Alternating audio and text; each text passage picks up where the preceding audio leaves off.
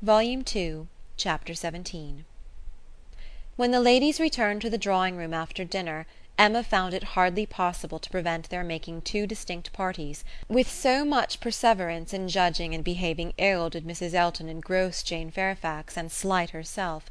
She and Mrs. Weston were obliged to be almost always either talking together or silent together. Mrs. Elton left them no choice.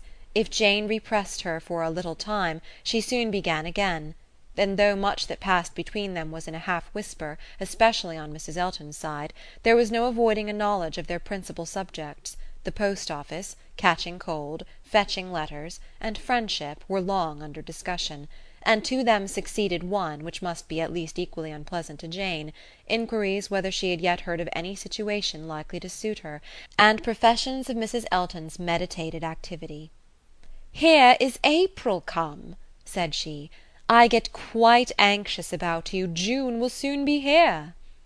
"But I have never fixed on June, or any other month; merely looked forward to the summer in general." "But have you really heard of nothing?" "I have not even made any inquiry. I do not wish to make any yet." "Oh, my dear, we cannot begin too early. You are not aware of the difficulty of procuring exactly the desirable thing." "I not aware?" said Jane, shaking her head. Dear Mrs. Elton, who can have thought of it as I have done? But you have not seen so much of the world as I have. You do not know how many candidates there always are for the first situations. I saw a vast deal of that in the neighbourhood round Maple Grove. A cousin of Mr. Suckling, Mrs. Bragg, had such an infinity of applications; everybody was anxious to be in her family, for she moves in the first circle. Wax candles in the schoolroom. You may imagine how desirable. Of all houses in the kingdom, Mrs. Bragg's is the one I would most wish to see you in." "Colonel and Mrs. Campbell are to be in town again by Midsummer," said Jane. "I must spend some time with them. I am sure they will want it.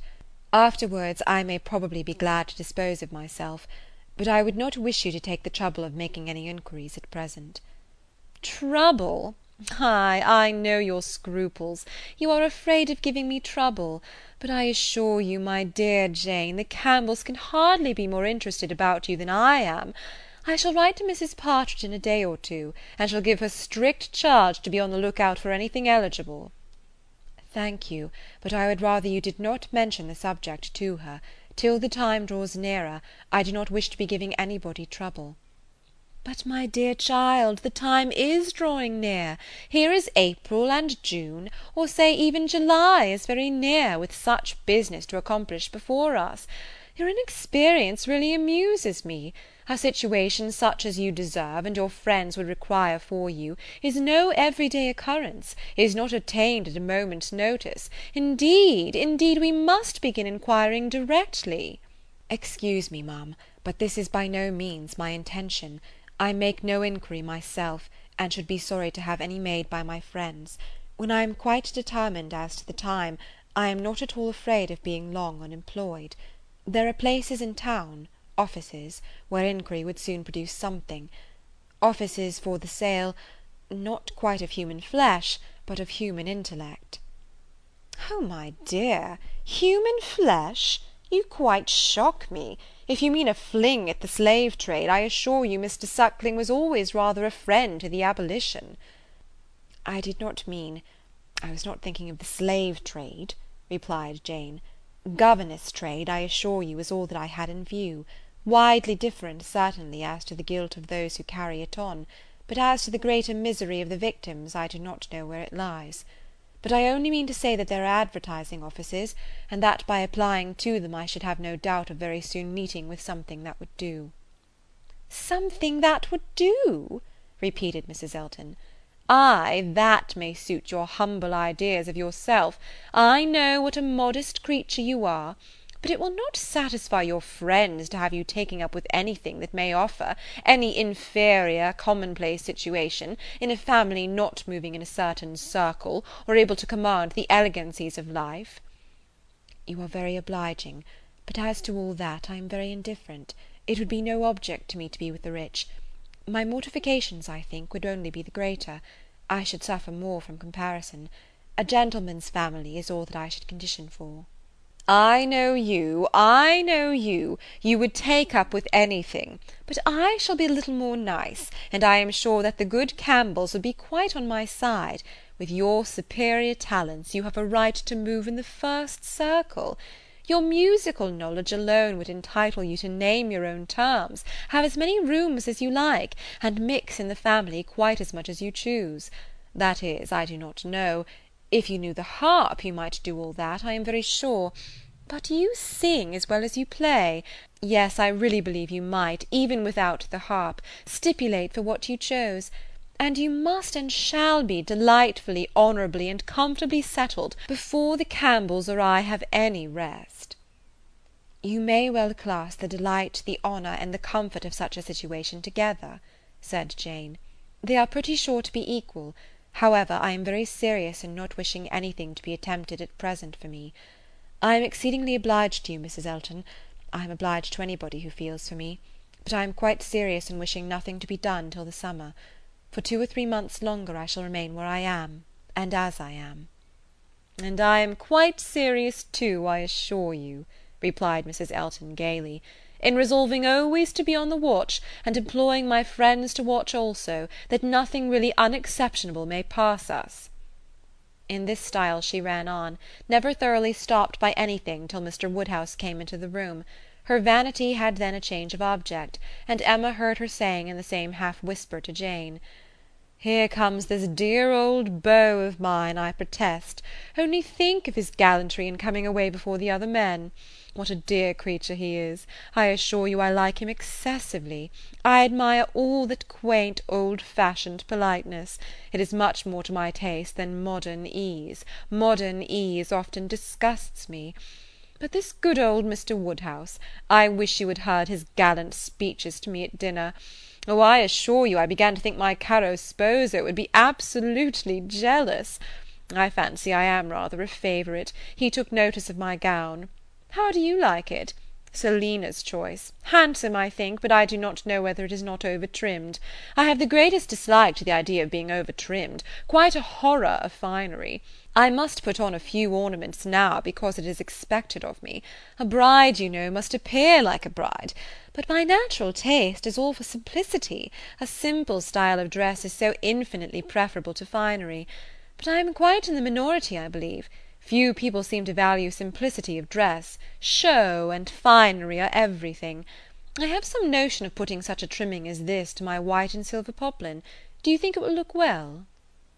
The whole party were but just reassembled in the drawing room when Mr. Weston made his appearance among them. He had returned to a late dinner, and walked to Hartfield as soon as it was over. He had been too much expected by the best judges for surprise, but there was great joy. Mr. Woodhouse was almost as glad to see him now as he would have been sorry to see him before.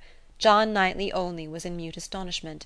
That a man who might have spent his evening quietly at home after a day of business in London should set off again and walk half a mile to another man's house for the sake of being in mixed company till bedtime, of finishing his day in the efforts of civility and the noise of numbers, was a circumstance to strike him deeply.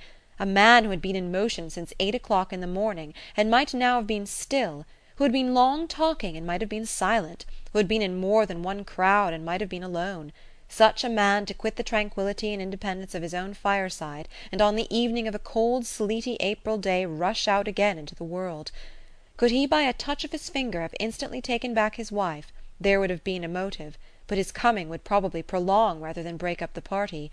John Knightley looked at him with amazement, then shrugged his shoulders and said, "I could not have believed it even of him." Mr. Weston, meanwhile, perfectly unsuspicious of the indignation he was exciting, happy and cheerful as usual, and with all the right of being principal talker, which a day spent anywhere from home confers, was making himself agreeable among the rest and having satisfied the inquiries of his wife as to his dinner, convincing her that none of all her careful directions as to the servants had been forgotten, and spread abroad what public news he had heard, was proceeding to a family communication, which, though principally addressed to Mrs. Weston, he had not the smallest doubt of being highly interesting to everybody in the room. He gave her a letter; it was from Frank, and to herself; he had met with it in his way, and had taken the liberty of opening it. "Read it, read it!" Said he, "it will give you pleasure. Only a few lines will not take you long. Read it to Emma." The two ladies looked over it together, and he sat smiling and talking to them the whole time, in a voice a little subdued, but very audible to everybody. "Well, he is coming, you see. Good news, I think. Well, what do you say to it? I always told you he would be here again soon, did I not? Anne, my dear, did I not always tell you so, and you would not believe me? In town next week, you see; at the latest, I dare say, for she is as impatient as the black gentleman when anything is to be done; most likely they will be there to morrow or Saturday. As to her illness, all nothing, of course. But it is an excellent thing to have Frank among us again, so near as town. They will stay a good while when they do come, and he will be half his time with us. This is precisely what I wanted. Well, pretty good news, is it not? Have you finished it? Has Emma read it all? Put it up, put it up. We will have a good talk about it some other time, but it will not do now. I shall only just mention the circumstance to the others in a common way. Mrs. Weston was most comfortably pleased on the occasion. Her looks and words had nothing to restrain them. She was happy, she knew she was happy, and knew she ought to be happy. Her congratulations were warm and open, but Emma could not speak so fluently. She was a little occupied in weighing her own feelings, and trying to understand the degree of her agitation, which she rather thought was considerable. Mr. Weston, however, too eager to be very observant, too communicative to want others to talk, was very well satisfied with what she did say and soon moved away to make the rest of his friends happy by a partial communication of what the whole room must have overheard already. It was well that he took everybody's joy for granted, or he might not have thought either Mr. Woodhouse or Mr. Knightley particularly delighted. They were the first entitled, after Mrs. Weston and Emma, to be made happy. From them he would have proceeded to Miss Fairfax, but she was so deep in conversation with John Knightley that it would have been too positive an interruption and finding himself close to Mrs. Elton, and her attention disengaged, he necessarily began on the subject with her.